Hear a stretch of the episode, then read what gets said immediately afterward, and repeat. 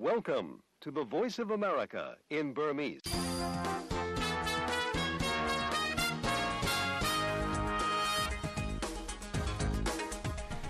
မင်္ဂလာမနက်ခင်ပါရှင်။ VOA American တန်ရဲ့2024ခုနှစ် February လ9ရက်တနင်္လာနေ့မနက်ခင်းအစီအစဉ်တွေကို American ပြည်ထောင်စုမြို့တော် Washington ကနေစတင်ထုတ်လွှင့်နေပါပြီ။လိုင်းတိုမီတာ30နဲ့49နဲ့လိုင်းလာမီတာ190တို့ကနေတိုက်ရိုက်ဖန်ယူနာဆင်နိုင်ပါတယ်။ကျွန်မနန်းလာပါ။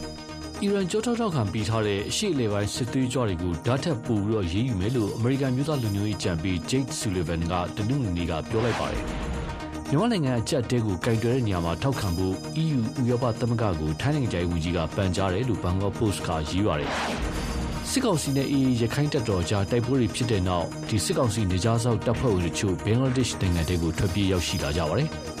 အခု လိုသတင်းတွေအပြင်ထိုင်းကန်ချနာဘူရီမှာမြန်မာအလုပ်သမား90နီးပါးဖမ်းဆီးခံရတဲ့သတင်းအပြည့်အစုံနဲ့အတူမြန်မာဒီမိုကရေစီရေးအစီအစဉ်မှာတော့ NUG လူအခွင့်အရေးဝန်ကြီးဦးအောင်မျိုးမင်းနဲ့မေးမြန်းခန်းကိုထုတ်လွှင့်သွားဖို့ရှိပါတယ်။နောက်ထပ်အပတ်စဉ်ကဏ္ဍတွေထဲမှာတော့ကမ္ဘာမြန်မာမီဒီယာမြင်ကွင်း ISP မြန်မာရဲ့မြင်ကွင်းကျမဆုမြန်မာပြည်မှပြည်စာနဲ့ထူးခြားဆက်မြသတင်းများစတဲ့အစီအစဉ်တွေကိုလည်းကြည့်ရှုနားဆင်ရဖို့ရှိပါတယ်။အခုရင်ဆုံးတော့ဒီကနေ့မနက်ဖက်ထိတ်တန့်ရောက်သတင်းတွေကိုဦးတင်မောင်တန်းပြောပြပါမယ်ရှင်။ အီရန်နိုင်ငံကို တိုက်ရိုက်မတိုက်ခိုက်ပါဘူးလို့ ပြောဖို့ ငြင်းဆိုလိုက်ပြီး အီရန်ကြောထောက်ထောက်ခံပေးထားတဲ့ အရှေ့အလယ်ပိုင်းက စစ်သွေးကြွတွေကိုဓာတ်နဲ့ပိုပြီး အရေးယူမယ်လို့ အမေရိကန် အမျိုးသားလုံခြုံရေးအကြံပေး Jake Sullivan က တနင်္ဂနွေနေ့က ပြောလိုက်ပါတယ်။အတိုက်ခံခံရတဲ့အခါ အမေရိကန်က တိုးမြှင့် ပြန်ပြီး တိုက်မှာပါ။တချိန်တည်းမှာပဲ အရှေ့အလယ်ပိုင်းစစ်ထဲ အမေရိကန်က ပါမှာမဟုတ်ပါဘူးလို့ မစ္စတာ Sullivan က CNN ရုပ်မြင်သံကြားနဲ့လုပ်တဲ့ အင်တာဗျူးမှာ ပြောပါတယ်။အမေရိကန် စစ်သား ၃ ယောက် ကျဆုံးသွားခဲ့တာကို တုံ့ပြန်တဲ့အနေနဲ့ အီရန်အစ္စလာမ်တော်လှန်ရေးအစောင့်တပ်ဖွဲ့နဲ့ချိတ်ဆက်နေပြီး ဆီးရီးယားနဲ့အီရတ်မှာရှိတဲ့ပစ်မှတ်၈၅ခုကို အမေရိကန်က သောကြာနေ့က တိုက်ခိုက်ခဲ့သလို ယီမင်နိုင်ငံမှာရှိတဲ့ ဟူသီပစ်မှတ် ၃၆ ခုကိုလည်း အမေရိကန်နဲ့ ဗြိတိန်တို့က စနေနေ့က တိုက်ခိုက်ခဲ့ကြပါတယ်။အီရန်ရဲ့ ကွန်မန်ဒိုတပ်ဖွဲ့တွေအတွက် အခြေခံစကားဖြင့်သုံးနေတယ်လို့ သံသယရှိတဲ့ ဘေရှတ်နဲ့ ဆာဗီကုန်တင်သင်္ဘောနှစ်စင်းကို အမေရိကန်က ပစ်မှတ်ထားလာမှာ စိုးရိမ်တဲ့အတွက် အီရန်နိုင်ငံက တနင်္ဂနွေနေ့က သတိပေးလိုက်ပါတယ် အဲဒီသင်္ဘောနှစ်စီးဟာပင်လယ်နီနဲ့အာဒန်ပင်လယ်ကွေ့ဓားပြရန်ကိုကာကွယ်ဖို့ထားရှိတဲ့ပင်လယ်ပြင်လက်နက်တိုက်ဖြစ်တယ်လို့အီရန်စစ်တပ်ရဲ့ဗွီဒီယိုထုတ်ပြန်ချက်မှာပြောထားခဲ့တာပါအမေရိကန်သမ္မတဂျိုးဘိုင်ဒန်ကိုဝေဖန်လိုက်ပြီးဟာမတ်စ်ကိုတိုက်ခိုက်ရာမှာဒေါ်နယ်ထရမ့်ကအစ္စရေးအစိုးရကိုပိုပြီးလွတ်လပ်ခွင့်ပေးလိမ့်မယ်လို့အစ္စရေးလက်ယာစွန်းဝန်ကြီးတစ်ပါးကဝေဖန်လိုက်တာကြောင့်အစ္စရေးအစိုးရအဖွဲ့အတွင်းမှာဂယက်ထသွားခဲ့ပါတယ် သမ္မတဘိုင်ဒန်ကအစ္စရေးကိုအပြည့်အဝကျောထောက်နောက်ခံပေးရမယ့်အစားဂါဇာကိုလူသားချင်းစာနာထောက်ထားမှုနဲ့လောင်စာဆီတွေပို့ပေးဖို့အလုပ်ရှုပ်နေတယ်။အဲဒါတွေကဟာမတ်စ်ဆီကိုရောက်သွားတာပါ။ထရမ့်သာအာဏာရှိခဲ့ရင်အမေရိကန်လုပ်ဆောင်မှုကလုံးဝကွဲပြားပါလိမ့်မယ်လို့အမျိုးသားလုံခြုံရေးဝန်ကြီး Itamar Ben-Gvir က Wall Street Journal နဲ့အင်တာဗျူးမှာပြောခဲ့တာပါ။အဲဒီပြောဆိုချက်ဟာအစ္စရေး-အမေရိကန်ဆက်ဆံရေးကိုအလွန်အမင်းပျက်စီးစေတယ်လို့စစ်နဲ့ပတ်သက်ပြီးအဆုံးအဖြတ်ပေးတဲ့ သုံးယောက်ပါအဖွဲ့ရဲ့အဖွဲ့ဝင်တယောက်ဖြစ်သူအငြိမ်းစားဗိုလ်ချုပ်ကြီး Benny Gantz ကပြောကြပါတယ်။ပါလက်စတိုင်းနိုင်ငံခြားရေးဝန်ကြီးဌာနကလည်းမစ္စတာ Ben-Gvir ဟာဒေသတွင်းလုံခြုံရေးအပေါ်ထိခိုက်စေတာမို့နိုင်ငံတကာကပိတ်ဆို့အရေးယူဖို့ရှုတ်ချပြောဆိုလိုက်ပါတယ်။ဒါပေမဲ့အစ္စရေးဝန်ကြီးချုပ်နေသန်ယာဟုကတော့အပတ်စဉ်အစိုးရအဖွဲ့အစည်းအဝေးမှာသမ္မတဘိုင်ဒန်ရဲ့ထောက်ခံမှုအတွက်ကျေးဇူးတင်စကားပြောကြားလိုက်ပါတယ်။မကြာမီမှာဗိုလ်ချုပ်ကြီး Valery Zelensky ဇလူစနီကိုဖယ်ရှားလိမ့်မယ်လို့မှန်းဆချက်တွေပိုများလာနေချိန်မှာယူကရိန်းသမ္မတဗိုလိုဒီမာဇယ်လန်စကီဟာယူကရိန်းအရှေ့တောင်ပိုင်းကရှေ့တန်းတပ်တွေဆီကိုတနင်္ဂနွေနေ့ကသွားရောက်ခဲ့ပါတယ်။ဒီခရီးစဉ်မှာလေသူရဲတွေကိုဆုတံဆိပ်ချီးမြှင့်ခဲ့သလိုဒန်ညာပရာပါထရပ်စ်ဒေသကပစ်မှတ်တွေကိုရုရှားကတိုက်ခိုက်ခဲ့ပုံကိုသမ္မတကိုတင်ပြခဲ့ကြသလိုအနောက်နိုင်ငံတွေရဲ့လေကြောင်းရန်ကာကွယ်ရေးစနစ်ကိုလည်းသမ္မတကိုပြသခဲ့ကြပါတယ် ဗိုလ်ချုပ်ကြီး Valery Zelensky ကို ဖယ်ရှားဖို့အတွက် ယူကရိန်းက အမေရိကန်ကို သောကြာနေ့က အကြောင်းကြားခဲ့တယ်လို့ ရိုက်တာသတင်းဌာနက ပြောပါတယ်။ယူကရိန်းရဲ့ ဗဟိုနဲ့ တောင်ပိုင်းဒေသတွေကို ပစ်မှတ်ထား တိုက်ခိုက်လာတဲ့ ရုရှား ဒရုန်း ၁၄ စင်းအနက် ၉ စင်းကို ပစ်ချနိုင်ခဲ့တယ်လို့ ယူကရိန်းလေတပ်က စနေနေ့က ကြေညာလိုက်ပါတယ်။ဒန်ညာပရာပါထရပ်စ်ဒေသက စွမ်းအင်အခြေခံ အဆောက်အအုံတွေကို အီရန်လုပ်ရှာဟက်ဒုံးတွေနဲ့ အသုံးပြု တိုက်ခိုက်ခဲ့တာ ဖြစ်တယ်လို့လည်း ပြောပါတယ်။ အရှေ့ပိုင်းကရုရှားအသိမ်းပိုက်ခံနယ်မြေကိုစနေနေ့ကယူကရိန်းကိုတိုက်ခိုက်ရာမှာတော့မုံဆိုင်ကိုထိမှန်ခဲ့ပြီးအနည်းဆုံးလူ၂၈ယောက်သေဆုံးသွားခဲ့တယ်လို့ရုရှားအရေးပေါ်ဝန်ကြီးဌာနကပြောကြားပါတယ်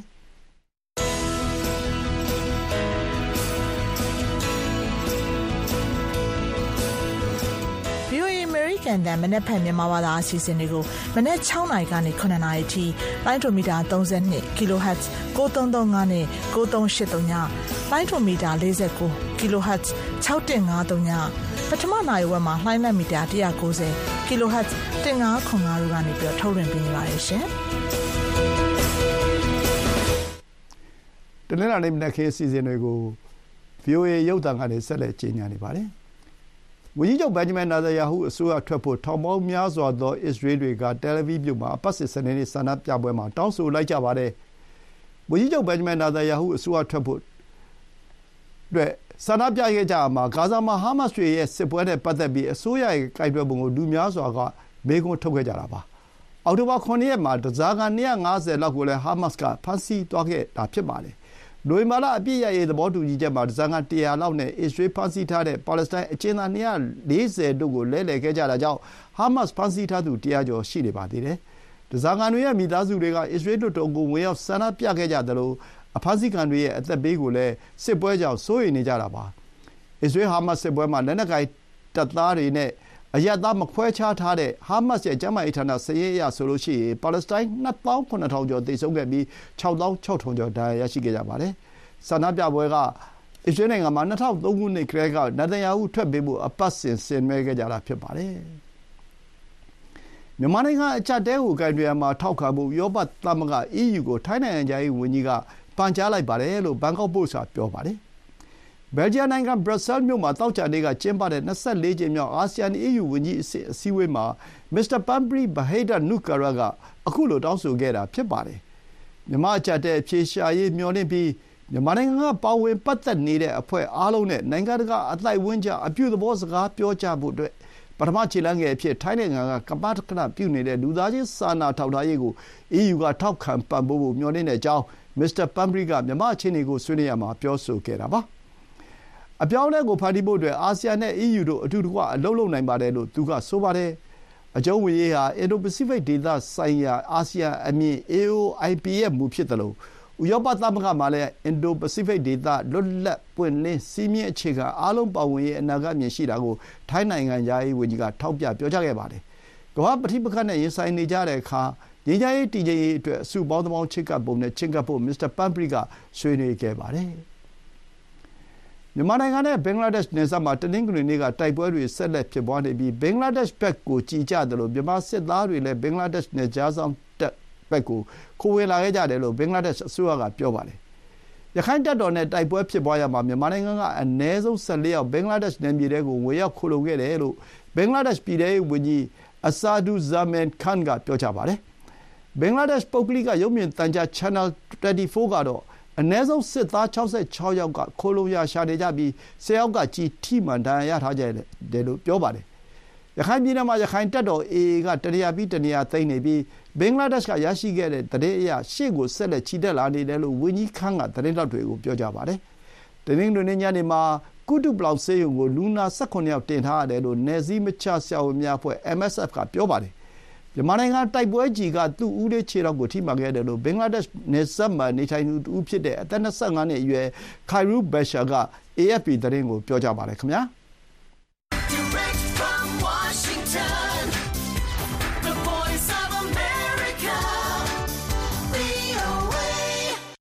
တနင်္လာနေ့မနက်ပိုင်းထိတဲ့ရောက်သတင်းတွေကိုဦးတင်မောင်တန်းကြီးညာခဲ့တာပါရှင်။ VOA အမေရိကန်အတန်းရဲ့ဒီကနေ့မနက်ခင်းအပတ်စဉ်အစီအစဉ်တွေမတင်ဆက်ခင်မှာတော့ထိုင်းကန်ချနာပူရီမှာမြန်မာအလုပ်သမားတွေဖမ်းဆီးခံရတဲ့တဲ့တင်အရင်ဆုံးတင်ပြပါမယ်။ထိုင်းနိုင်ငံကန်ချနာပူရီခရိုင်ကဆလိုရဲလုပ်ငန်းခွင်ကိုနေမြခန့်လူဝင်မှုကြီးကြပ်ရေးအဖွဲ့ကဝင်ရောက်စီးနင်းခဲ့ရမှာမြန်မာအလုပ်သမား90နီးပါးဖမ်းဆီးခံရပါတယ်။တရားမဝင်မြန်မာအလုပ်သမားတွေကိုအလုပ်လုပ်ခွင့်ပေးထားတဲ့အလုပ်ရှင်ကပါအရေးယူမယ်လို့ထိုင်းအာဏာပိုင်တွေကဆိုပါတယ်။ ဒီသတင်းကိုတော့ VOA မြန်မာပိုင်းသတင်းထောက်မအေးအေးမာကသတင်းပေးပို့ထားပါတယ်။ထိုင်းနိုင်ငံကမ်ချနဘူရီခရိုင်ထဲကစောက်လုပ်ရေးလုပ်ငန်းခွင်တစ်ခုကိုဖေဖော်ဝါရီလ၄ရက်နေ့ကဝင်ရောက်ရှာဖွေဖမ်းဆီးခဲ့ရမှာတရားမဝင်မြန်မာ90လောက်အဖမ်းဆီးခံရတယ်ဆိုပြီးအလုသမားရေးတက်ကြွလှုပ်ရှားသူဦးမိုးကျိုးကအခုလိုပြောပါတယ်။၄ရက်နေ့တော့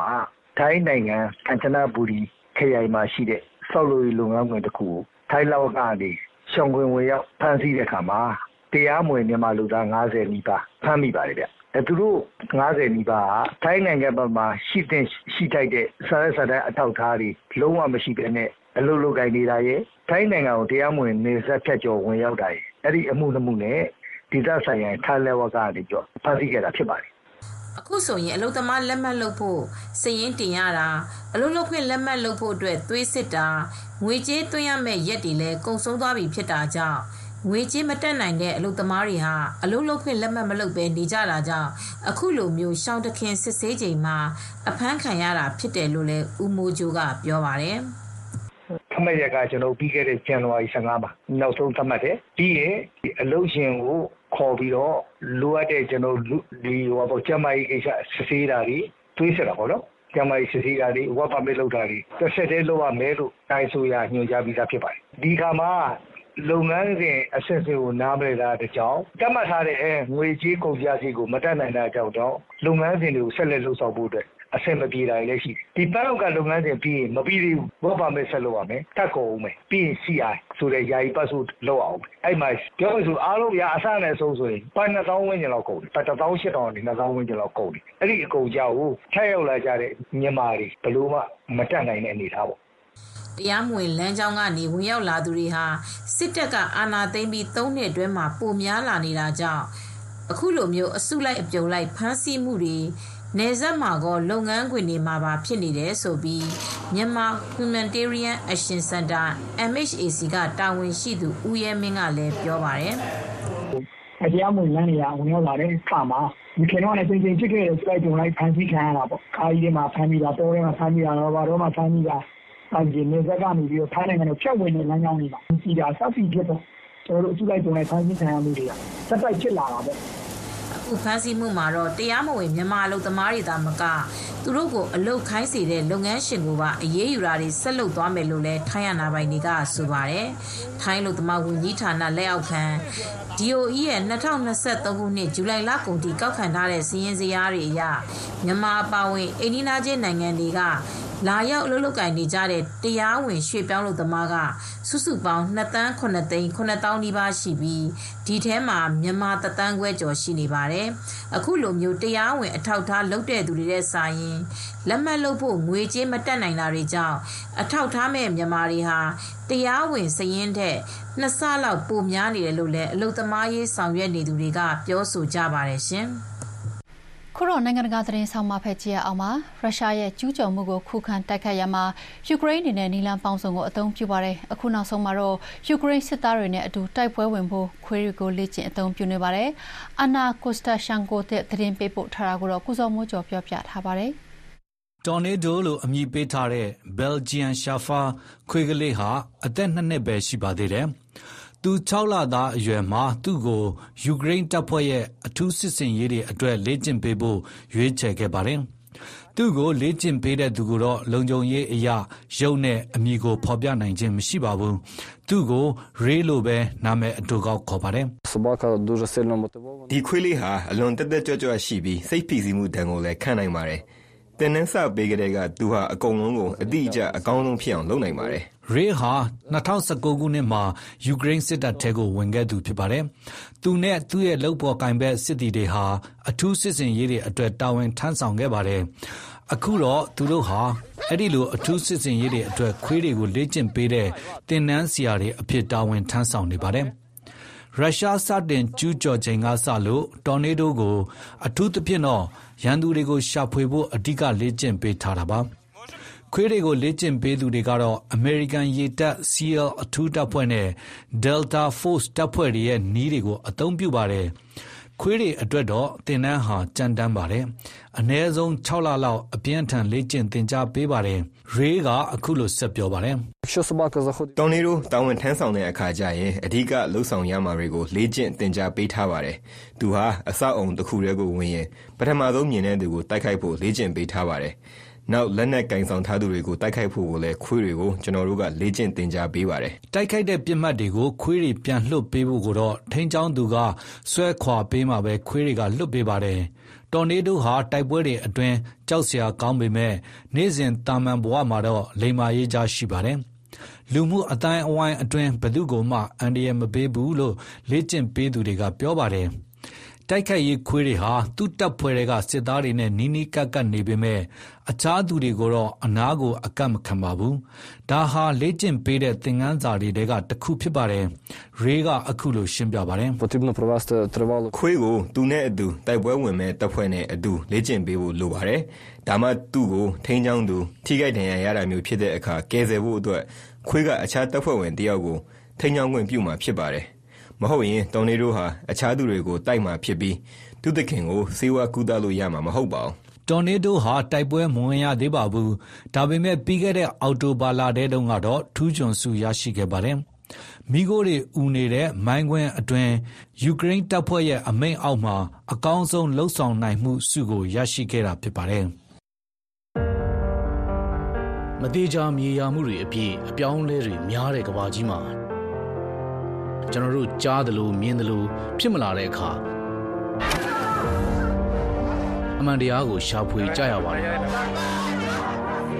တည်င်းကိုတစ်ပိုင်းတစ်စပဲကြားသိလိုက်ရရင်ယုံကြည်မှုတွေကိုလက်လွတ်လိုက်ရတာတွေရှိပါတယ်။အကြက်တဲကာလတွေမှာကျွန်တော်ရဲ့အိမ်မက်တွေမျောလင့်ချက်တွေပိုကောင်းတဲ့မနှက်ဖန်တွေကိုတောင်းတမိတာတွေကသတင်းလွတ်လပ်ခွင့်အပေါ်မှာမူတည်နေပါတယ်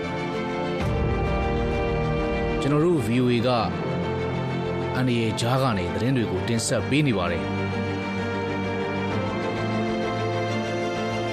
ကဘာကြီးနဲ့ချိတ်ဆက်ပေးပြီးအမှန်တရားကိုစောင့်ကျင်းပေးနေပါတယ် VOA American အတန်ကသတင်းမှန်တွေကိုဗတ်ပေါင်းစုံကတင်ပြပေးနေပါတယ်ခင်ဗျာ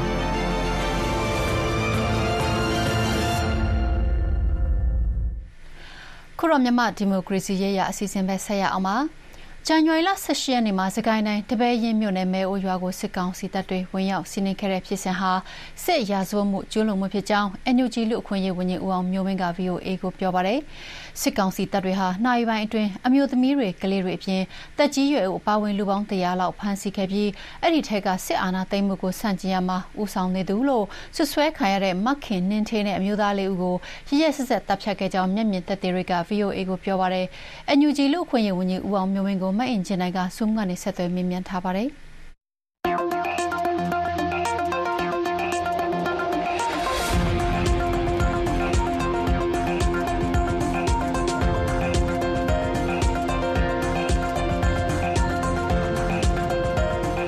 ဒီစကိုင်းတိုင်းတပဲရင်မှာဖြစ်သွားတဲ့ကိစ္စပေါ့နော်အဲ့ဒီမှာဆိုလို့ရှိရင်ဒါ NUG ရဲ့ထုတ်ပြန်ချက်အရာပေါ့နော်ဒီဥအောင်မျိုးမင်းတို့ရဲ့လူခွင့်ရေးဒီဝင်ကြီးဌာနရဲ့ထုတ်ပြန်ချက်အရာဆိုလို့ရှိရင်လေအဲ့ဒီမဲအိုးကျေးရွာမှာအာဒီစစ်ကောင်စီစစ်တပ်တွေရဲ့ကျူးလွန်မှုပေါ့နော်အဲ့ဒါလေးကတော်တော်လေးကိုဟိုပြင်းထန်တယ်နောက်ပြီးတော့ဒီ ရက်သားတွေပေါ်သူတို့တက်ဖြတ်သွားတဲ့ကိစ္စတော်တော်လေးရက်ဆက်တယ်ဆိုတော့ဟိုထောက်ပြချက်တွေရှိနေပါတယ်ဆိုတော့အဲ့ဒီဖြစ်စဉ်နဲ့ပတ်သက်ပြီးတော့ဥအောင်မျိုးမင်းတို့ရဲ့သုံးသက်ချက်ဘယ်လိုရှိလဲရှင်ဒီမဲဦးဖြစ်စဉ်ကတော်လေးစိုးရတဲ့ဖြစ်စဉ်လို့ပြောပြီးမဲ့ဒီတဲ့စိုးရတဲ့ဖြစ်စဉ်လည်းအများကြီးပါဒီနေရာထဲမှာလူအစုလိုက်ပြုံလိုက်တပ်ဖြတ်မှုတွေလည်းများစွာကြုံတွေ့ရတယ်အဲ့တော့ ဖြစ်စဉ်တွေရက်ဆက်ရုံမာတဲ့ဖြစ်စဉ်တွေကဒီမဲဦးကြီးကဖြစ်စဉ်ကအခုလောလောဆယ်ဖြစ်ဖြစ်ခဲ့တာပေါ့ဒါလည်းမကပါဘူးနောက်ထပ်ဟိုဖြစ်ဖြစ်ခဲ့တဲ့အမှုတွေကျွန်တော်ဆက်ပြီးတော့လည်းရရှိပါတယ်ဒါကိုကြည့်တဲ့အခါမှာကျွန်တော်တို့ဘာလို့တွေ့ရလဲဆိုရင်တော့စစ်ကြောင်းတစ်ကြောင်းကရွာတရွာကိုရောက်လာပြီးတော့ရွေချက်မရှိဘဲနဲ့တက်ဖြတ်တာမဟုတ်ဗျရွာပေါင်းများစွာလို့ဖြစ်ဖြစ်ဒီကျုံရတယ်ဖြစ်ဖြစ်တဲ့ပုံစံမှာလဲတွေ့သမျှလူကိုဖမ်းပြီးလို့ရှိရင်တက်ဖြတ် တချို့ဆိုရင်ရွာလုံးကျုပ်မီးရှို့တဲ့တဲ့ကျွန်တော်တို့ဒီနေ့ပဲရတယ်အဲ့တော့ဒါကဘာကိုညွန်ပြနေလဲဆိုရင်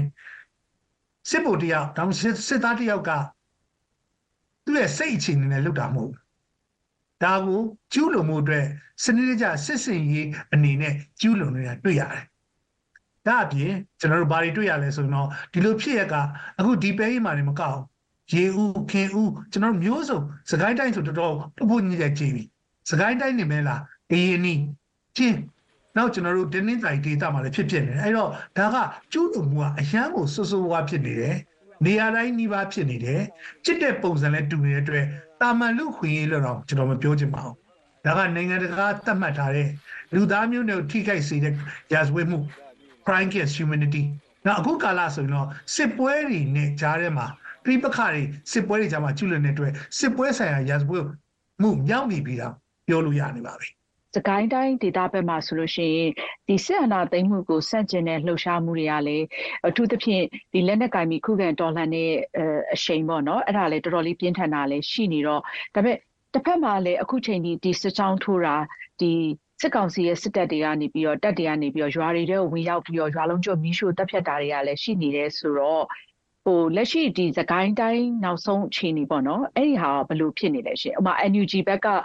နေမြေဒီအခုဟို calling ဘက်မှာဆိုရင်လည်း NUG တိမ့်ပိုက်ထားတယ်ဆိုပေမဲ့လည်းတစ်ဖက်မှာဒီစစ်ကောင်စီဘက်ကပြန်ပြီးတိုက်ခိုက်မှုတွေလည်းရှိနေတဲ့ခါကျတော့အရက်သားတွေရဲ့အခြေအနေဘယ်လိုရှိပါလဲရှင်ဟိုမြို့သိမ်းရွာသိမ်းမလုတ်ခင်နေရပါဒီဘာမှမသိမ်းနိုင်ခင်တည်းက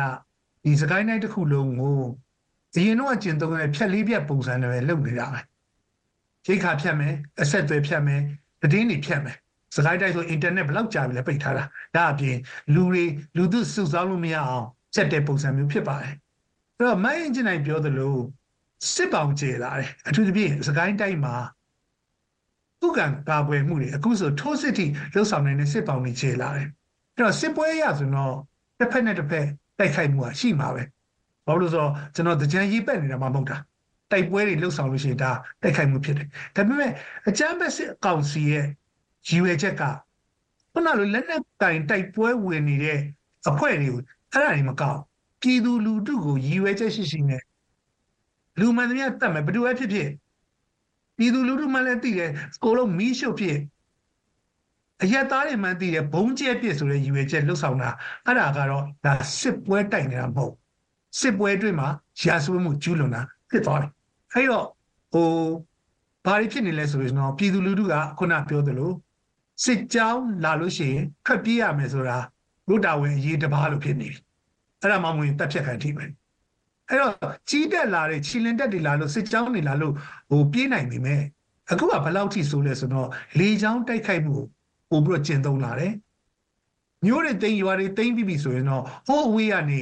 ဟာဝဇာလက်နက်ကြီးတို့လို တာပစ်เนาะကျွန်တော်တို့ဒီလက်နက်ကြီးတွေပစ်ပြီးတော့လူလူရှိမှန်းသိတဲ့ခြေမုံနေတာဒါဆိုလို့ရှိရင်ဒါရဲ့တော်တော်ကြီးဆိုးပါပါပဲအခုဆိုရင်ဖြစ်ပျက်ခဲ့တဲ့ဒီဒီကိစ္စတွေမကောက်ကျွန်တော်တို့တွေးသမျှရွာလုံးကျုပ်ကျွန်တော်နီးပါမီးရှို့ခံထိတဲ့ဟာတွေတော့ကလူစုလိုက်ပြုံလိုက်ငါးဦးတဲ့တပ်ဖြတ်မှုတွေကြောင့်သေဆုံးမှုပေါင်းပြီး2023ထဲမှာ80ကျော်ရှိခဲ့တယ်ဒါတွေကကျွန်တော်တို့လက်ရှိစကိုင်းတိုင်းမှာ ဖြစ်ပြက်နေတဲ့အရာစကိုင်းတိုင်းနေမကပါဘူးကျွန်တော်ကရင်နီမှာလည်းဒါမျိုးဖြစ်နေဒါဒီကဟိုဥက္ကံလို့လားဥက္ကံလို့တိုက်ပွဲတွေဖြစ်တယ်လို့တချို့ကပြောကောင်းပြောမယ်ဥက္ကံမှုမရှိလေဒီဟာတွေကိုကျွလွန်ခဲ့တဲ့အစဉ်လာကအကြမ်းဖက်စစ်အုပ်စုရဲ့သွေးစာနေတဲ့လုပ်ရဖြစ်တယ်ဒါပေမဲ့ပြစ်မှတ်ထားတာကပြည်သူတွေဖြစ်အောင်လှုပ်ဆောင်နေတယ်ပြစ်မှတ်ထားနေတာလည်းအကြမ်းဖက်စစ်အုပ်စုဖြစ်ပါတယ် ဦးအောင်မျိုးမင်းတို့ရဲ့ဒီလူခွင့်ရေးဝင်ကြီးဌာနကထုတ်ပြန်ချက်မှာဒီမဲဦးကျေးရွာမှာဖြစ်ခဲ့တဲ့ကိစ္စပေါ့နော်အဲ့ဒီပဲရင်ဘက်မှာဖြစ်ခဲ့တဲ့ကိစ္စဆိုရင်စစ်တပ်ဒီခလာရပေါ့နော်နံပါတ်အတိအကျနဲ့ကိုထုတ်ဖော်ရေးသားထားတယ်ဖော်ပြထားတယ်ပေါ့နော်ဆိုပေမဲ့တစ်ဖက်မှာကျတော့စစ်ကောင်စီဘက်ကဟိုပြန်ပြီးတော့ညှင်းဆိုထားတယ်ဒါတရေအမှားပဲဖြစ်တယ်အဲသူတို့ဒီ သူတို့အဲ့ဒီချိန်မှာအဲ့ဒီနယ်မြေဘက်မှာဘယ်စစ်ကြောင်းဟိုမှာဟိုပို့ဆောင်ခြင်းမရှိဘူးဘယ်စစ်ကြောင်းမှတွားရောက်ခြင်းမရှိဘူးဆိုပြီးတော့ဟိုပြန်ပြီးတော့တုံ့ပြန်ထားတာတွေ့ရပါတယ်ဆိုတော့အဲ့ဒီပေါ်မှာ NUG အနေနဲ့ဘာကြောင့်အဲ့လိုမျိုးဟိုကိုယ့်ဘက်ကရောဒီလိုခလာရနံပါတ်အတိအကျနဲ့ထုတ်ပြန်နိုင်တဲ့အနေအထားရှိတာလဲရှင်ချမ်ပက်စစ်ကောင်စီကတော့ဒါမျိုးကျူးလွန်နေတာကြားခဲ့ပြီကျူးလွန်တိုင်းကျူးလွန်တိုင်းသူတို့မလောက်ပါဘူးလို့အမြဲတမ်းလဲကျွန်တော်တို့ပြောလို့ရှိပါတယ် တက်မလို့သတင်းစာရှင်းလင်းပွဲဆိုတာသတင်းချက်လက်အမှန်မပြောဘဲနဲ့သတင်းညာတွေလောက်ကြံဖန်တီးမှုတွေဖန်တီးထားတဲ့နေရာဆိုတာမက်အင်ဂျင်တို့လိုသတင်းသမားတွေလည်းသိကြမှာပါအဲ့ဒီနေရာမှာကျွန်တော်တို့ဘာပြီးတော့ထွက်တွေ့ရလဲဆိုလို့ရှင်တော့ဒီအရက်ဆက်စုံရုပ်မာပြီးတော့နော်တက်နိုင်ပြီဝုဒါဝါဒထပ်ပြီးတော့ကျူးလွန်နေတာစစ်တပ်ပဲဖြစ်ပါတယ်သူတို့လုပ်နေကြလုပ်ငန်းတစ်ခုပါဒါပေမဲ့ကျွန်တော်တို့အခုရထားတဲ့ကိစ္စတွေ အခုဆိုရင်ဘယ်တော့မှဖြစ်လဲဘဒူဖြစ်လဲသေဆုံးရစရင်ကဘလောက်လဲသူတို့အသက်အရွယ်ဘလောက်လဲဘလို့သေဆုံးလဲဆိုတာအလောင်းနေကျွန်တော်တို့ဒါနဲ့ပြန်ပြီးတော့ခြေပနိုင်ပါတယ်သူတို့ရဲ့သတင်းမှားတွေဝါဒဖြတ်မှုမှန်ကန်တဲ့အချက်နဲ့ကျွန်တော်တို့ဒါကိုခြေပနိုင်တယ်ဘာကြောင့်ခြေပနိုင်လဲကျွန်တော်တို့ကမြေပြင်မှာရှိတဲ့သူတွေကိုမေးမြန်းနိုင်ခဲ့တယ်မြေပြင်မှာကြုံတွေ့ရတဲ့သူတွေရဲ့အတန်ကိုရအောင်ယူခဲ့တယ် လူခွေရေးကိုလေးစားတဲ့သူတွေဒီရတရားမျှတမှုလိုချင်တဲ့ပြည်သူတွေကကျွန်တော်တို့ပူးပေါင်းဆောင်ရွက်တဲ့ဒီအချက်တွေက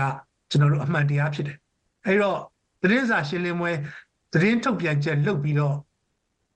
လိန်ညာသည့်တိုင်အောင်ဖြစ်မှန်ကိုဘယ်တော့မှဖုံးကွယ်လို့မရအောင်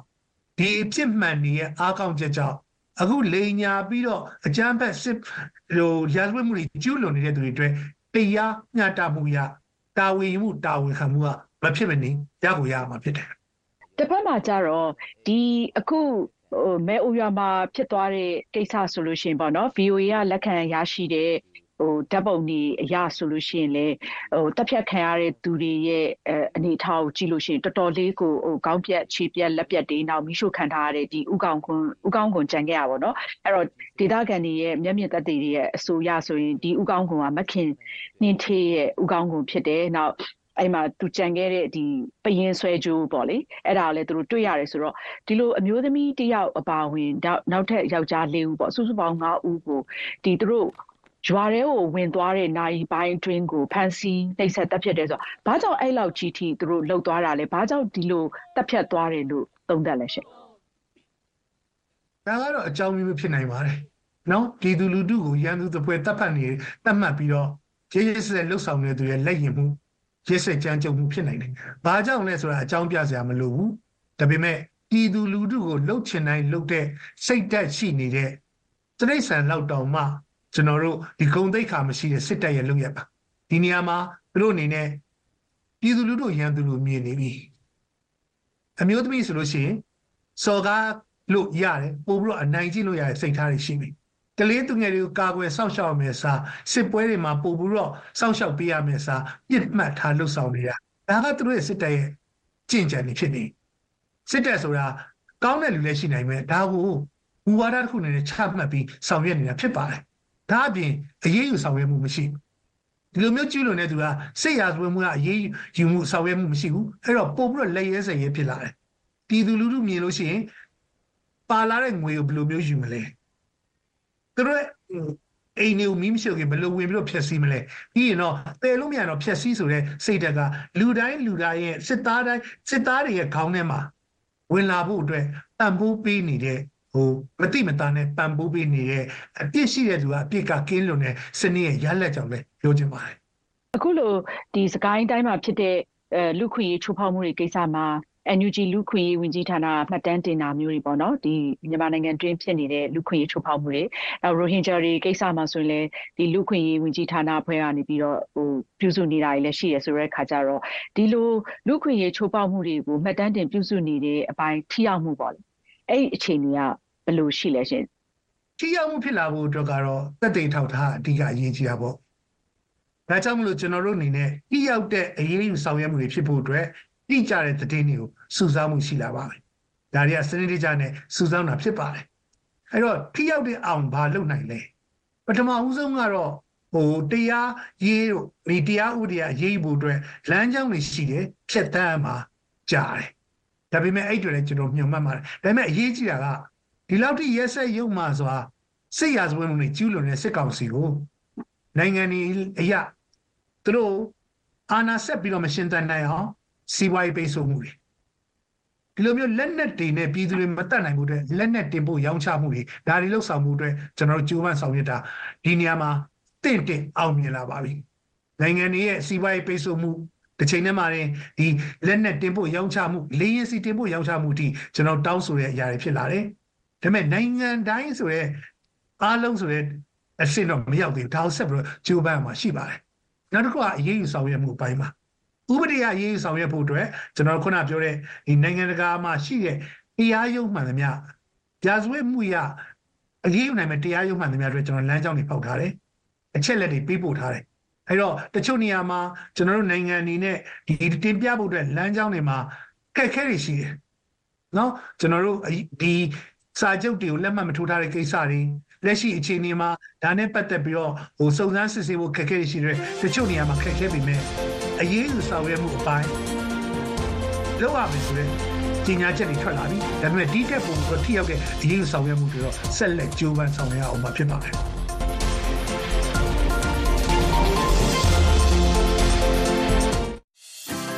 VOA America ကန်တန်ရဲ့ရုပ်သံနဲ့ရေဒီယိုထုတ်လွှင့်မှုတွေကိုနေ့စဉ်အမေရိကန်ပြည်အောင်စုဝါရှင်တန်မြို့တော်ကနေဓာတ်ရိုက်ထုတ်လွှင့်တင်ဆက်ပေးနေပါတယ်။ ဒိုရုဖမ်းယူမှုနဲ့ လိုင်းဒိုမီတာတို့အပြင်ကျမတို့ VOA မြန်မာပိုင်းအင်တာနက်စာမျက်နှာဖြစ်တဲ့ burmese.voanews.com မှာလည်းကြည့်ရှုနားဆင်နိုင်ပါတယ်။ VOA မြန်မာအင်တာနက်စာမျက်နှာကိုဝင်ကြည့်လို့မရရင်တော့တခြားနောက်နည်းလမ်းတွေနဲ့လည်းဝင်ကြည့်လို့ရပါတယ်။အဲဒီနောက်ထပ်နည်းလမ်းတွေကိုရဖို့ဆိုရင် Siphon link bit.ly/36fapfe နဲ့ nlink ဖြစ်တဲ့ nlink.com/download ဆိုတဲ့ web လိပ်စာတွေမှာ application ရယူနိုင်ပါတယ်နော်။ VOA American တန်ရဲ့ရုပ်သံနဲ့ရေဒီယိုထုတ်လွှင့်ချက်တွေကိုမြန်မာပြည်သူတွေစီရောက်ပို့ပေးနိုင်မှုအစီအမြဲကြိုးပမ်းနေပါတယ်ရှင်။ မင်္ဂလာမနက်ခင်းပါရှင် VOA မြန်မာပိုင်းအစီအစဉ်ရဲ့တနင်္လာနေ့မနက်ခင်းအစီအစဉ်တွေကိုလိုင်းတူမီတာ30နဲ့49လိုင်းလက်မီတာ190အပြင် Facebook နဲ့ YouTube တို့ကနေလည်းတိုက်ရိုက်ထုတ်လွှင့်နေပါတယ်။အခုတော့အပတ်စဉ်တင်ဆက်နေတဲ့ကမ္ဘာမြန်မာမီဒီယာမြင်ကွင်း ISP မြန်မာရဲ့မြင်ကွင်းချက်မှတ်စုမြန်မာပြည်မှပေးစာများနဲ့ထူးခြားစာများသတင်းများစတဲ့ကဏ္ဍတွေကိုထုတ်လွှင့်တင်ပြသွားမှာပါ။အရင်ဆုံးကမ္ဘာမြန်မာမီဒီယာမြင်ကွင်းနဲ့ဆက်ရအောင်ပါ။ 2024ခုနှစ်အတွက်အာဆီယံအလှည့်ကျဥက္ကဋ္ဌတာဝန်ကိုလာအိုနိုင်ငံကစတင်တာဝန်ယူပြီးတော့ပထမဆုံးအကြိမ်လုပ်တဲ့အာဆီယံနိုင်ငံခြားရေးဝန်ကြီးများအစည်းအဝေးမှာမြန်မာအရေးနဲ့သက်ဆိုင်တဲ့ထူးခြားချက်နှစ်ချက်ထွက်ပေါ်လာပါတယ်။အဲ့ဒီထူးခြားချက်တွေအကြောင်းကိုတော့ကမ္ဘာမြန်မာမီဒီယာမြင်ကွင်းကဆောင်းမရှင်မြသွေးပြည်သွေးနိုင်တဲ့အတူအလိမ္မာတင်ဆက်ထားပါတယ်။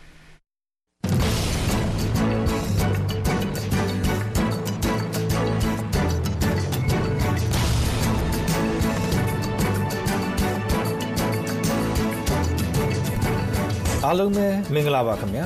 ဒီတစ်ပတ်ကမ္ဘာမြန်မာမီဒီယာမြင်ကွင်းကဏ္ဍကနေအာဆီယံနိုင်ငံသားရေးဝန်ကြီးများအစည်းအဝေးနဲ့မြန်မာအရေးထူးခြားချက်အကြောင်းကိုတင်ပြပေးသွားမှာဖြစ်ပါတယ်ကျွန်တော်ကတော့ပြည်သွေးနိုင်ပါ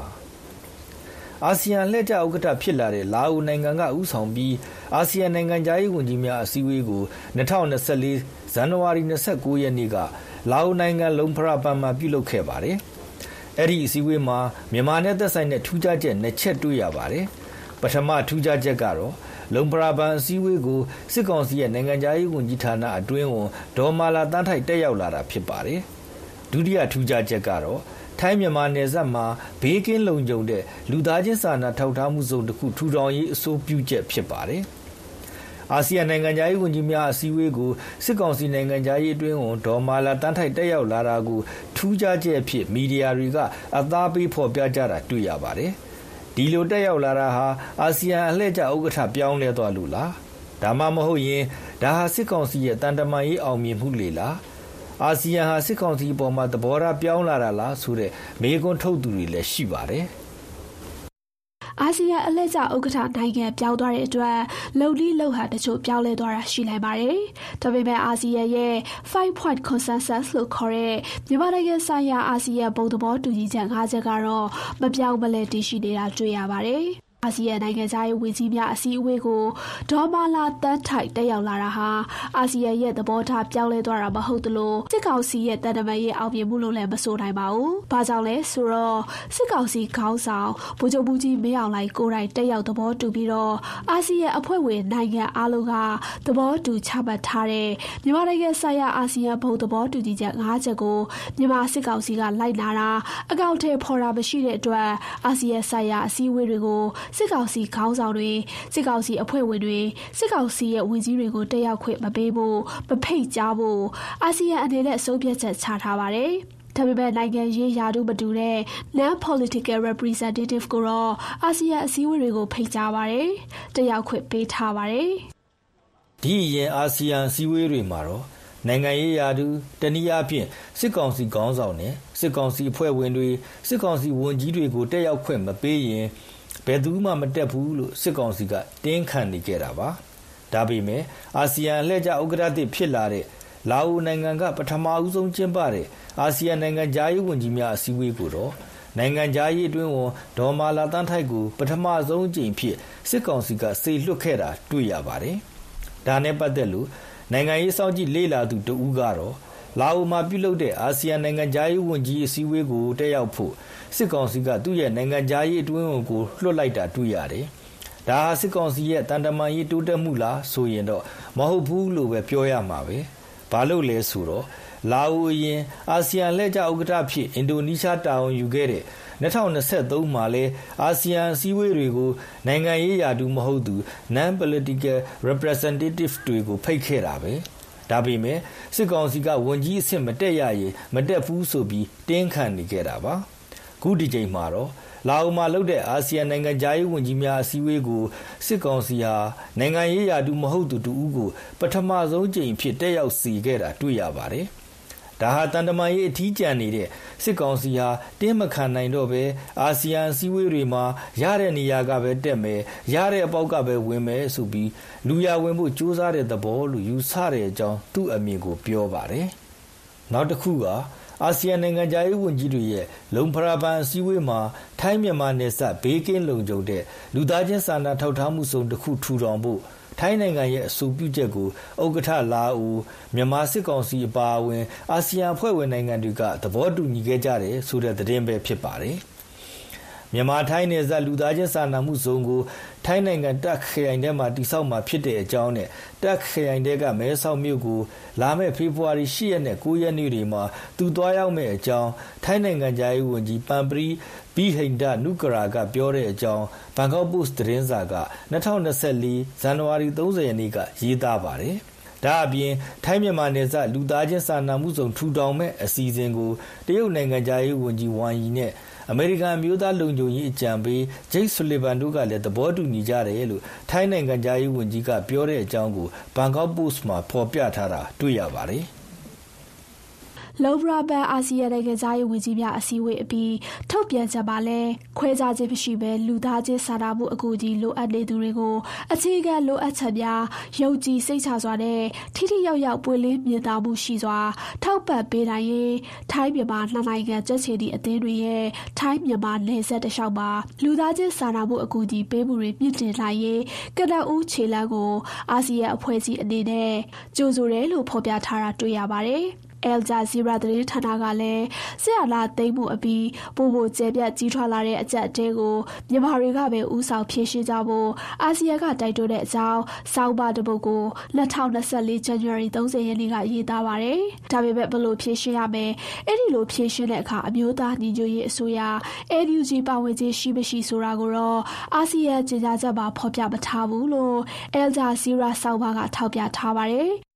နိုင်ငံတော်ဝန်တိုက်ပွဲတွေအချိန်မြင့်လာတာနဲ့အတူစစ်ဘေးရှောင်ပြည်သူတွေအရေးအတွက်ဟာလည်းတနေ့တခြားတိုးပွားလာနေတာတွေ့ရပါတယ်။စစ်ဘေးရှောင်တွေကိုထိထိရောက်ရောက်ကူညီနိုင်ဖို့ဆိုရင်ပြည်တွင်းကပုံမှန်လမ်းကြောင်းတွေကနေပေးဖို့ကူညီဖို့ဆိုတာမဖြစ်နိုင်ဘူးလို့ပဲဆိုရမှာပါ။ဒါကြောင့်လဲအိန္ဒိယနိုင်ငံတွေကတဆင့်နေဆက်ဖြတ်ကျော်အကူအညီပေးနိုင်ရေးကို NUG အပါအဝင် အရက်ဖက်အဖွဲ့အစည်းတွေအကူအညီပေးရေးအေဂျင်စီတွေကကြိုးပမ်းနေကြတာပါ။ အခုထိုင်းနိုင်ငံရဲ့အဆိုပြုချက်နဲ့စတင်မဲ့ထိုင်းမြန်မာနယ်စပ်လူသားချင်းစာနာထောက်ထားမှုစုံတိဆောက်ရေးမှာထိုင်းမြန်မာကြက်ရှင်နီအသင်းတွေနဲ့အတူနိုင်ငံတကာကြက်ရှင်နီအသင်းကြီးပါပါဝင်ဆောင်ရွက်မယ်လို့သတင်းတွေကဆိုပါတယ်။ဒေသခံတော်လှန်ရေးအင်အားစုတွေတိုင်းရင်းသားလက်နက်ကိုင်အဖွဲ့တွေနဲ့အမျိုးသားညီညွတ်ရေးအစိုးရ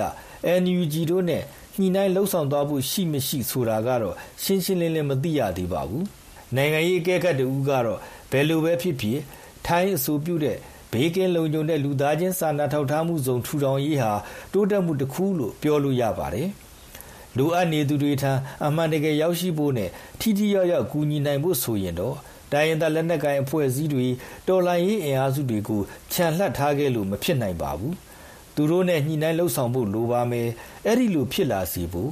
NUG နေနဲ့ဥဆောင်ပြီးနီလာရှာဖွေသင့်တယ်လို့ ဆိုပါတယ်ခင်ဗျာ။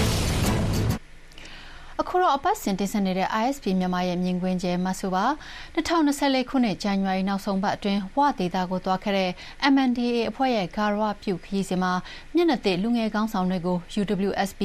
UWSA ဘက်ကပွဲထုတ်ခဲ့ပါတယ် ISP မြန်မာရဲ့ခုတစ်ပတ်မြင်ကွင်းကျဲမဆူမှာဒီအကြောင်းအရာကိုတစ်စိတ်တစ်ပိုင်းဖော်ပြထားပါတယ်။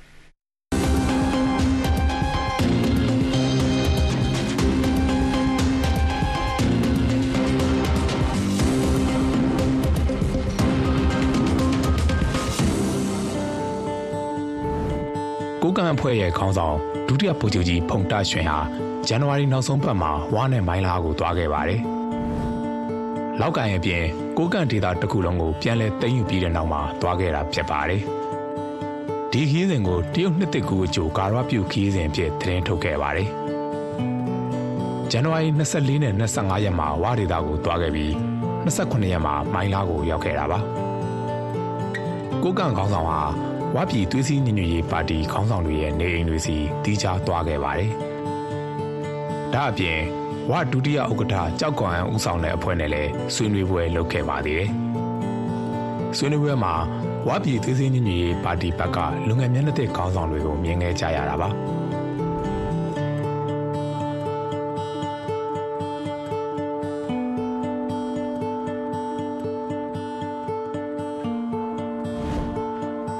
ဘကပွဲထုတ်လာတဲ့လူငယ်တွေထဲမှာ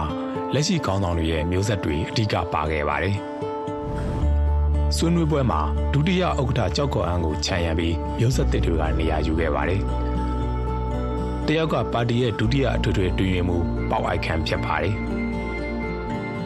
သူဟာပါတီဥက္ကဋ္ဌပေါက်ယူခြံရဲ့တာတူဖြစ်ပါတယ်။နောက်တစ်ယောက်ကပါတီရဲ့နိုင်ငံရေးဌာနကြီးမှုကြောက်အိုက်နဲလိုင်ဖြစ်ပါတယ်။သူက ပါတီတီထောင်ခဲ့သူတူဖြစ်တဲ့ကြောက်ညီလိုင်ရဲ့သားဖြစ်ပါတယ်။ကြောက်ညီလိုင်ကတော့2009ခုနှစ်မှာကွယ်လွန်ခဲ့တဲ့ခေါင်းဆောင်အောင်တူပါ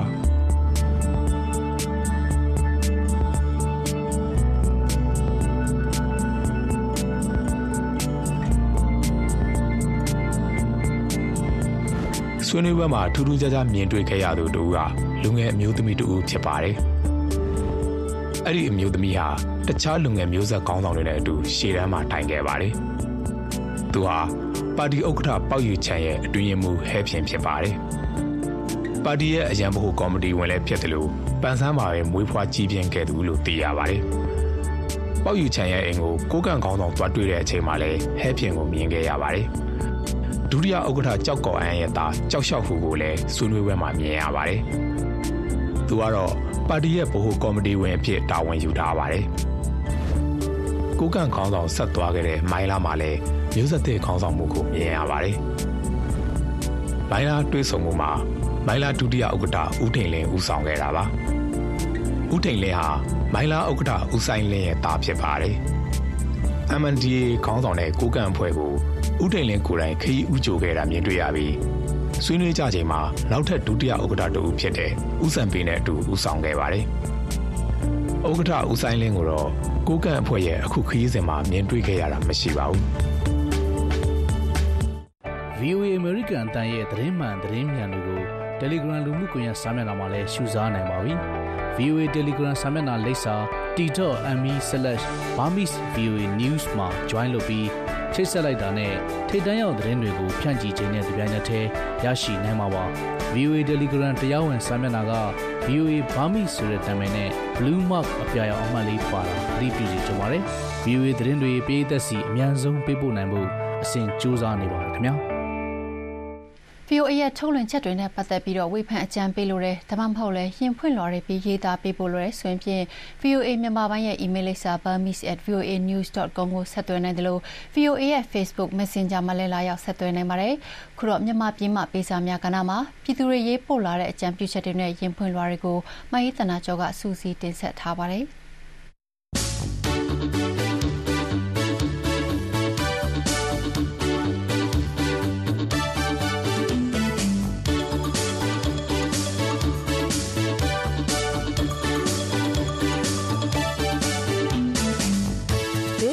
င်းရှင်းပြီးတော့မင်္ဂလာပေါင်းနဲ့ပြည့်စုံတဲ့နေ့ဖြစ်ပါစေသောရရှိမြရှင်။ VOA ကိုရေးလာတဲ့သောရရှင်တွေရဲ့ပေးစာတွေအီးမေးလ်တွေပြီးတော့ VOA မြန်မာပိုင်း Facebook စာမျက်နှာပေါ်မှာလာပြီးတော့ရေးကြတဲ့သောရရှင်တွေရဲ့မှတ်ချက်တွေနဲ့ Messenger ကစာတွေကိုမြန်မာပြည်ကပေးစာများအစီအစဉ်ကနေပြန်ကြားပေးပါရမယ်ရှင်။အခုအရင်ဦးဆုံးသောရရှင်တွေရဲ့မှတ်ချက်တိုတွေနဲ့စချင်ပါတယ်။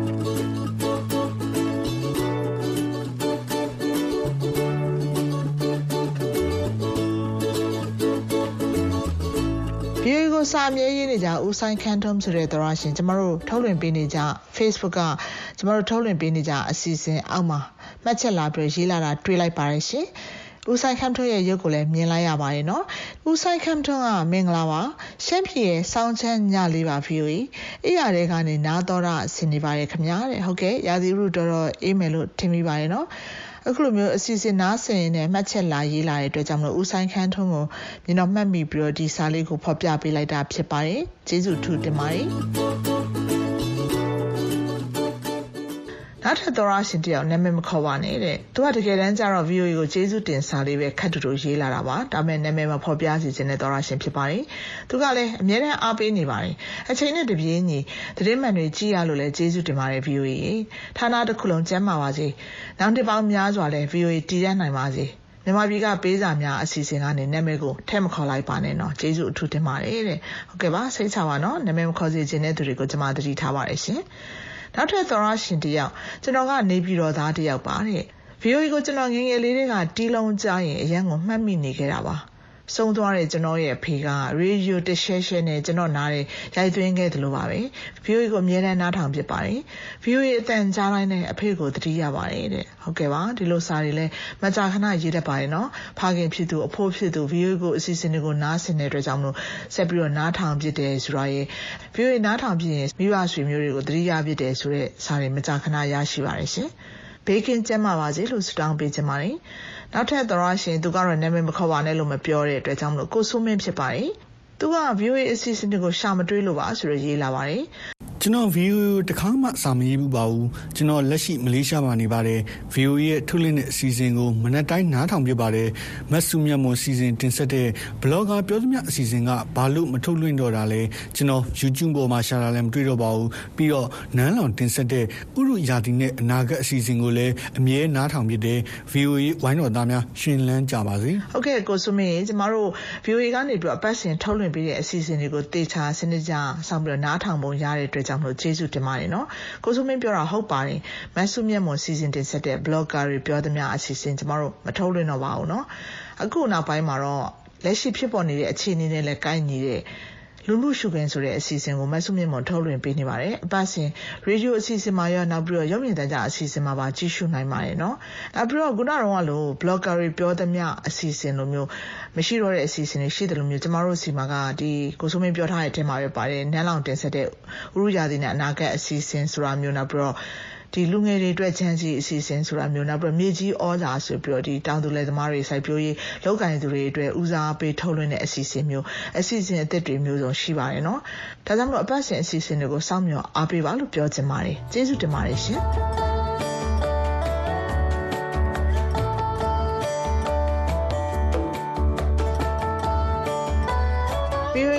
ကြတဲ့စာတွေထဲမှာတော့မြန်မာနိုင်ငံမှာလက်ရှိဖြစ်ပေါ်နေတဲ့နိုင်ငံရေးအခြေအနေနောက်ပြီးတော့ကိုယ်နေ့စဉ်ပေါ်မှာကြုံတွေ့နေရတဲ့လူမှုရေးရာကိစ္စအဝဝနဲ့ပတ်သက်ပြီးတော့ကိုပိုင်ထင်မြင်ယူဆချက်တွေရေးလာကြတဲ့စာတွေကိုလည်းလက်ခံရရှိပါတယ်။သူတို့ကျေးရွာမှာအတ္တမစစ်သားစုဆောင်းနေပါတယ်ဆိုပြီးရေးလာတဲ့သောရရှင်ရဲ့သဘောထားအမြင်စာလေးကိုဖော်ပြပေးချင်ပါတယ်။ PNU ကတရွာကိုစစ်သား၈ယောက်စုပြီးတော့စစ်သားတွေကိုလိုက်စုဆောင်းနေရတယ်။အဖြစ်မနေတွားခိုင်းမဲ့သဘောမှရှိပါတယ်။ကျွန်တော်အရန်စိုးရင်ရပါတယ် ကျွန်တော်တို့အိမ်မှာ ညီလေးနဲ့ အမေတယောက်တည်းကြံခဲ့တာ ညီလေးက ပါသွားရင်တော့ အမေဦးတယောက်တည်းကြံခဲ့မှာကို အရန်ပဲ စိုးရင်မိပါတယ် ဝင်ရရင် piano ထဲကို မဝင်စေချင်ပါဘူး PNL ထဲဝင် စိတ်က နည်းနည်းတက်တာလို့ ရသေးတယ်ဗျာ ပြပရောက်နေပေမဲ့စိတ်က ရွာတဲ့အိမ်ထဲရောက်နေပါတယ် စိတ်တော့ကတွေ ဖြစ်ရပါတယ် သူတို့လောက်ရတွေရက်တန်းကရအောင်လို့ view ကနေတဆင့် ပြောပြပါ မြန်မာပြည် အများဆုံး ငြင်းညမ်းပါစေလို့ ဆုတောင်းပါတယ် ဒီတော်ရရှင်က ပြည်ပရောက်နေပြီမလဲ ရွာမှာကြံခဲ့တဲ့ညီလေးကိုစိတ်ပူလို့ပါလို့ရေးလာပါတယ်သူကစစ်ထဲဝင်ရရင်တော့စစ်ကောင်စီလက်အောက်ခံ PNO တက်ထဲတော့မဝင်ချင်ပါဘူးလို့သူ့ရဲ့သဘောထားကိုရေးလာတာဖြစ်ပါတယ်နော်အခုဆက်ပြီးတော့နာမည်တော့မဖော်ပြပါနဲ့အခုညီလေးတောင်းကျင်လို့ပါလို့ရေးလာတဲ့သောရရှင်ရဲ့စာကိုလည်းဖော်ပြပေးချင်ပါတယ်ရှင် အကူညီလေး တောင်းကျင်လို့ပါခင်ဗျာနိုဝင်ဘာလ2ရက်နေ့ကခွတ်ခိုင်မြို့နယ် တာမိုးညင်းမှာ ဖမ်းဆီးထိန်းသိမ်းထားတဲ့မတ်ကြီးလေးလက်တင်အခုချိန်ထိ ပြန်လည် လွတ်မြောက်နိုင်ခြင်း မရှိသေးတဲ့အတွက် မိဘမောင်နှမ သားချင်းတွေက စိတ်ပူပင်တဲ့အကြောင်း သတင်းဆက်ပြပါအောင်ခင်ဗျာ အဖမ်းခံရတာကတော့ TNL အဖွဲ့က ဖြစ်နေလို့ပါ အဆက်အသွယ်တော့ ရပါတယ် ဒေသခံလူကြီးတွေနဲ့ ပြန်ခေါ်တော့ဘိုးကြီးမရှိလို့ပဲ ပြောနေလို့ပါ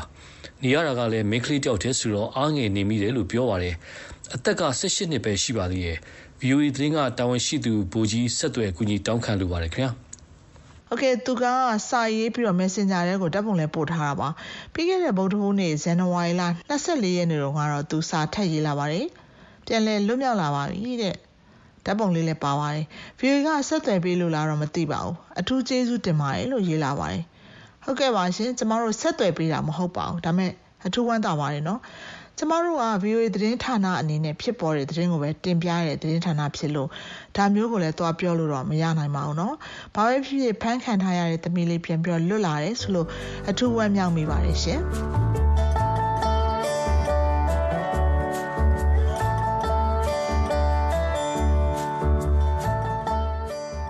လာရှိုတီဘော်လန်မှာအတင်းအဓမ္မငွေကြေးကောက်ခံမှုရှိပါတယ်ဆိုရရေးလာတဲ့သောရရှင်တယောက်ရဲ့စာကိုဖော်ပြပေးချင်ပါတယ်။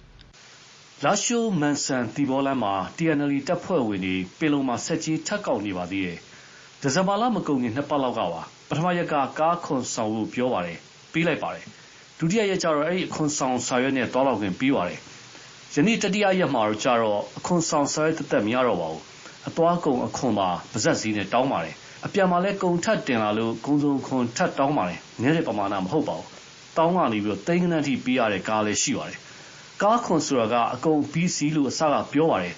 အခုကသွေးဆုပ်စရာကားနဲ့လာတော့ရှိနေတဲ့ကားတွေကိုနီးမျိုးမျိုးနဲ့ဂုတ်သွေးဆုပ်ပါတော့တယ်ဒီတိုင်းဆက်သွားနေမယ်ဆိုရင်ကားမောင်းစားလို့ဘလို့မှအဆင်ပြေပြေတိုင်တော့လို့အခုလိုမျိုးရေးတာပါ TNL အထက်လူကြီးတွေလက်အောက်ငယ်သားတွေကိုထိမ့်ပေးဖို့မြစ်တာရဲခံပါတယ်တော်လိုင်းလန်းစင်မအောင်မြင်မဲနဲ့ပြည်သူထောက်ခံမှုဆုံးရှုံးသွားရင်တက်မတော်လူပြိုကွဲသွားနိုင်ပြီးတော့ရေရှည်မှာပြည်သူတွေအမြင့်စိုးနဲ့သာရင်ဆိုင်ရမှာကိုခေါင်းဆောင်တွေလည်းလူလားမယ်မဟုတ်ဘူးလို့ထင်ပါတယ် ဒါကတော့သူတို့ရဲ့တိုင်းသားနေမြေအဝေးပြေးလမ်းတွေမှာငွေကြေးကောက်ခံမှုတွေရှိပါတယ်ဆိုတော့သောရရှင်တယောက်မကြည်မနဲ့အစာရေးလာတာဖြစ်ပါတယ်ရှင်သောရရှင်ရဲ့ပေးစာတွေကိုတော့ဒီတစ်ပတ်ဒီမှာရင်ရက်ချင်ပါတယ်အားလုံးအတွက်ပုံမကောင်းမွန်အဆင်ပြေတဲ့နေ့ရက်တွေအများဆုံးပိုင်ဆိုင်နိုင်ပါစေလို့ဆန္ဒပြုပါတယ်ရှင်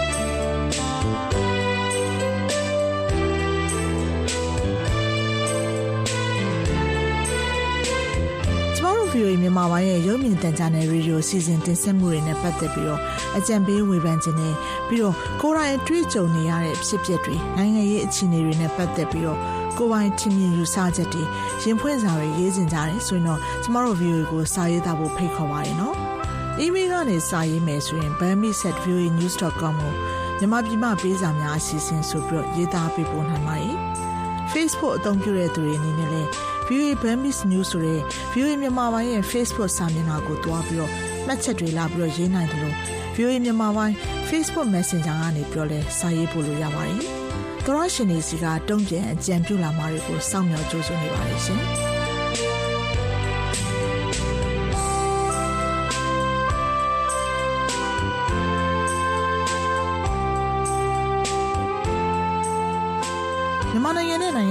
ရေးသားပေးပို့လာတဲ့ VOA မြန်မာပိုင်းသောရရှင်တွေရဲ့ဝေဖန်ကြံပေးစာတွေရင်ဖွင့်စာတွေနဲ့ဒေသချင်းတောင်းလွှာတွေကိုတနင်္ဂနွေနေ့ညပိုင်းနဲ့တနင်္လာနေ့မနက်ပိုင်းအချိန်တွေမှာမြန်မာပြည်ကပေးစာများအစီအစဉ်ကနေထုတ်လွှင့်တင်ဆက်ပေးနေပါတယ်။ရေဒီယိုကနေဖန်ယူနားဆင်နိုင်တဲ့အပြင်ရုပ်မြင်သံကြားကနေပြီးတော့လည်းထုတ်လွှင့်ပေးနေသလို VOA မြန်မာပိုင်း Facebook စာမျက်နှာနဲ့ YouTube စာမျက်နှာတို့ကနေပြီးတော့လည်းထုတ်လွှင့်ချိန်နဲ့တပြိုင်နက်တည်းတိုက်ရိုက်နားဆင်နိုင်ပါတယ်။ တွင်းထုတ်ပေးခဲ့ပြီးတဲ့အစီအစဉ်တွေကို Facebook နဲ့ YouTube ပေါ်မှာပြန်ပြီးတော့နားထောင်နိုင်သလို VOA Internet စာမျက်နှာနဲ့ဖုန်းပေါ်က VOA App တွေမှာလည်းတွားပြီးတော့နားထောင်ကြည့်ရှုနိုင်ပါတယ်။ကျမတို့ရဲ့ VOA App နာမည်က VOA Burmese ဖြစ်ပါတယ်။ကျမတို့ရဲ့ Internet စာမျက်နှာလိပ်စာက burmese.voanews.com ဖြစ်ပါတယ်။ကျမအေးသနာကြောပါ VOA ကိုလည်းစာရေးကြပါအောင်နော်။သောရရှင်တွေအားလုံးဘေးရန်ရဲ့ကင်းရှင်းရွှင်လန်းချမ်းမြေ့ကြပါစေရှင်။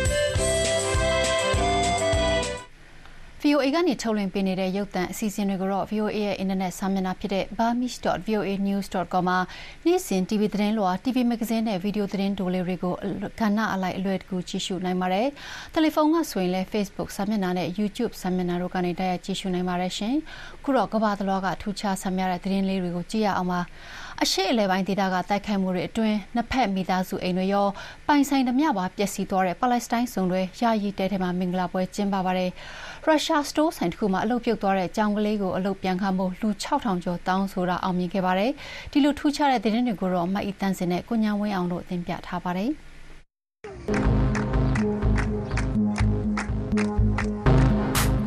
ဂါဇာဒေသစစ်ပွဲတွေကြားယာယီတဲတစ်ခုမှာပါလက်စတိုင်းအမျိုးသားနဲ့အမျိုးသမီးမင်္ဂလာပွဲကျင်းပခဲ့ပါတယ်။မိသားစုဝင်တွေမိတ်ဆွေတငယ်ချင်းတွေကိုဖိတ်ကြားခြင်းပေမဲ့တော်တော်များများမရှိကြတော့ဘူးလို့ သူတို့သားမိုဟာမက်အယ်ဂန်ဒေါကပြောပါတယ်။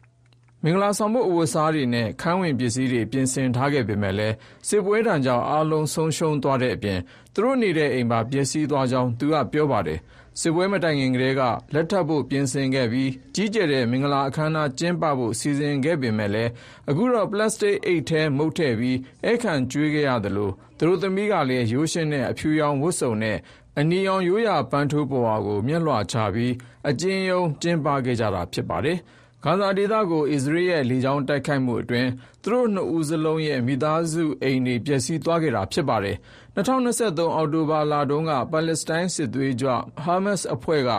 အစ္စရေးကို တိုက်ခိုက်ခဲ့ပြီးနောက် အစ္စရေးဘက်က ပြန်လည်တံပြန်ထိုးစစ်ဆင် တိုက်ခိုက်ရမှာ ဂါဇာဒေသမှာ ထိခိုက်ပျက်စီးမှုတွေ ပြင်းထန်နေစေဖြစ်ပါတယ်ခင်ဗျာ စပိန်နိုင်ငံမက်ဒရစ်မြို့တော်မှာအိမ်ဝေးတရိတ်ဆန်တွေကိုရေမန်းဖြန်းပြီးတော့ကောင်းကြီးမြစ်တာပေးတဲ့ပွဲကျင်းပခဲ့ပါလေ။ ဂျန်နဝါရီလ18ရက်နေ့မှာကျင်းပခဲ့တဲ့သူတော်စင်အန်တိုနီကိုချီးမွမ်းတဲ့အထိမ်းအမှတ်အနေနဲ့နှစ်စဉ်ကျင်းပလေရှိတာပါမက်ဒရစ်မြို့တော်မှာစိန့်အန်တိုနီခရစ်ယာန်ဖခင်အကြောင်းကိုခွေးရီကျောင်းတွေကအစအင်ဝေးဒရိဆန်ပေါင်းစုံကသူသခင်တွေကိုစီနဲ့ရောက်လာကြပြီးဆူတောင်းမြတ်တာပို့တာကိုခံယူခဲ့ကြပါလေသူတော်စင်အန်တိုနီကဟိုးရှိတုန်းကအီဂျစ်နိုင်ငံမှာနေထိုင်ခဲ့တဲ့သူဖြစ်ပြီးတော့ဒရိဆန်လေးတွေပေါ်မှာတနာကျင်တာဂီယူဆိုင်တက်သူအဖြစ်ထင်ရှားသူဖြစ်ပါလေအသက်10နှစ်ရှိပြီဖြစ်တဲ့ခွေးလေးဇက်ကအရင်တုန်းကချူကြခဲ့ပေမဲ့လည်းလွန်ခဲ့တဲ့၃နှစ်တာကာလအတွင်းလုံးဝဖျားနာတာမရှိတဲ့အကြောင်းဒီဖရားအကြောင်းကိုနှစ်စဉ်လာရောက်တဲ့သူသခင်ကပြောပြပါလေသခင်တွေပေါ်မှာသစ္စာရှိတဲ့အဖော်မွန်ကောင်းတွေဖြစ်ကြတဲ့အတွက်တရိษံလေးတွေကလည်းလူတွေလိုပဲကောင်းကြီးမြတ်တာရထိုက်သူတွေဖြစ်ကြတယ်ဆိုပြီးဖုံးတော်ကြီး Valentis Bravo ကပြောတာဖြစ်ပါတယ်ရှင်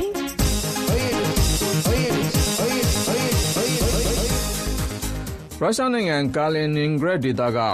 ဇီလန်နိုဂရက်မြို့က ကုံစုံဆိုင်တစ်ခုမှာ အလုတ်ပြုတ်သွားတဲ့ ကြောင်လေးတစ်ကောင်ကို အလုတ်ပြန်ခန့်ဖို့ လူအယောက်6000ကျော် လက်မှတ်ထိုး တောင်းဆိုခဲ့ပြီးတဲ့နောက် ကြောင်လေး အလုတ်ပြန်ရသွားပါတယ်။စတိုးဆိုင်မှာ ၃ နှစ်ကြာနေလာတဲ့ ကြောင်လေးစာကေးကို မြို့တွေကသူတွေ သိနေကြပြီး ကုံစုံဆိုင်မှာ ကြောင်ရှိနေတာ ကျမ်းမာရေးနဲ့မငြင်ညိုဘူးဆိုပြီးတယောက်ယောက်က သွားတိုင်လိုက်လို့ သက်ဆိုင်ရာ ကျမ်းမာရေးအာဏာပိုင်တွေက ဆိုင်မှာ ကြောင်လေး မနေရတော့ဘူးဆိုပြီး ပိတ်ပင်လိုက်တာပါ။ ကြောင်လေးစာကေးရဲ့ သခင်ဟောင်းဖြစ်တဲ့ အဖွားအိုတယောက် ဆုံးသွားပြီးတဲ့နောက် ကြောင်လေး နေစရာမရှိ ဖြစ်သွားတာကြောင့် စတိုးဆိုင်မှာ လာနေဖြစ်သွားကြောင်း ဆိုင်မန်နေဂျာတာတီယာနာကပြောပါတယ် အမွှေးမီးခိုးရောင်နဲ့ လူလိုမျက်လုံးရှိတဲ့ ကြောင်လေးစာကေးကလူမှုကွန်ရက်မှာရော ကြော်ညာရိုက်ဖြစ်တယ်လို့ပြက်ကရင်ထုတ်ဖို့လည်း ဓာတ်ပုံရိုက်ခံမှုပါတယ် ဒီစတိုးဆိုင်မှာ မန်နေဂျာအဖြစ် သူ့ကိုယာဒူးပေးထားပြီးတစ်နှစ်စာလုံးအတွက် အတော်ဆုံးဝန်ထမ်းစုကိုလည်း ရရှိထားတာပါ စတိုးဆိုင်မှာ ကြောင်မထားရဘူးဆိုတဲ့ သတ်မှတ်ချက်ကြောင့် ကြောင်လေးစာကေးကို ဆိုင်မှာ မတွေ့ရတော့တဲ့နောက်ပိုင်း ဖောက်သည်တွေက အမေးများလာပြီး စတိုးဆိုင်မှာ ကြောင်လေးကို အလုတ်ပြန်ခန့်ဖို့ အွန်လိုင်းမှာ ထောက်ခံချက် လက်မှတ်ကောက်ခံခဲ့ကြတာပါ ဆာလန်နိုဂရက်မြို့မှာ လမ်းဘေးကြောင်အကောင်80ကျော်ရှိတာဖြစ်ပြီးခီးသွားရတဲ့ဒီအလွယ်တကူ ကြောင်စာကျွေးနိုင်ဖို့ပတ်စံထည့်လိုက်ရင် အလိုလျောက်ဝယ်နိုင်တဲ့ ကြောင်စာ vending machine တွေပါ ထားရပေးတာ ဖြစ်ပါတယ်ခင်ဗျာဩစတြေးလျနိုင်ငံ အနောက်ပိုင်း ဝေးလံခေါင်ဖျားတဲ့ Pilbara နဲ့ Gascoigne ဒေသတွေမှာဂျန်နဝါရီလနှောင်းပိုင်းတုန်းကအလွန်မင်းပူပြင်းမှုနဲ့ကြုံတွေ့ခဲ့ရပါတယ်။ဂျန်နဝါရီလ22ရက်နေ့တုန်းကဆိုရင်42ဒီဂရီစင်တီဂရိတ်ထိပူပြင်းခဲ့တာပါ။ မိုင်းတူးဖော်လုပ်ငန်းလုပ်သူများတဲ့ Pilbara မြို့မှာပုံမှန်ဆိုရင် January လမှာရှိရမယ့်အပူချိန်ထက်9မှတ်ကျော်ပိုများပြီးတော့48ဒီဂရီစင်တီဂရိတ်လောက်ထိပူပြင်းနေတာမှာလူကိုအကောင်လိုက်ကင်ထားသလိုခံစားရတယ်ဆိုပြီးဗြိတိန်နိုင်ငံကလာလေသူတယောက်ကပြောပြပါတယ်ဒီလို6တွေ့ပူပြင်းလုံးမှုတွေကြောင့်တောမီလောင်နိုင်ပြီးတော့စိုက်ကလုန်းမုန်တိုင်းနဲ့မိုးခေါင်ရေရှားမှုလိုမျိုးတဘာဝဘေးရန်တွေပိုဆူဆူရွရွလေးဖြစ်နိုင်တဲ့အကြောင်းမိုးလေဝသပညာရှင်တွေကသတိပေးထားပါတယ်ရှင်။ VOA မြန်မာပိုင်းစီစဉ်ရဲ့နောက်ဆုံးရကဘာနဲ့မြန်မာသတင်းတွေနဲ့သတင်းဆောင်မသတင်းသုံးသပ်ချက်တွေကိုတော့ VOA မြန်မာပိုင်းရေဒီယိုနဲ့ရုပ်သံအစီအစဉ်တွေမှာပြန်ပြီးတော့နားဆင်နိုင်ပါတယ်။ခုတော့သတင်းအချင်းချုပ်ကိုတင်ပြပါမယ်ရှင်။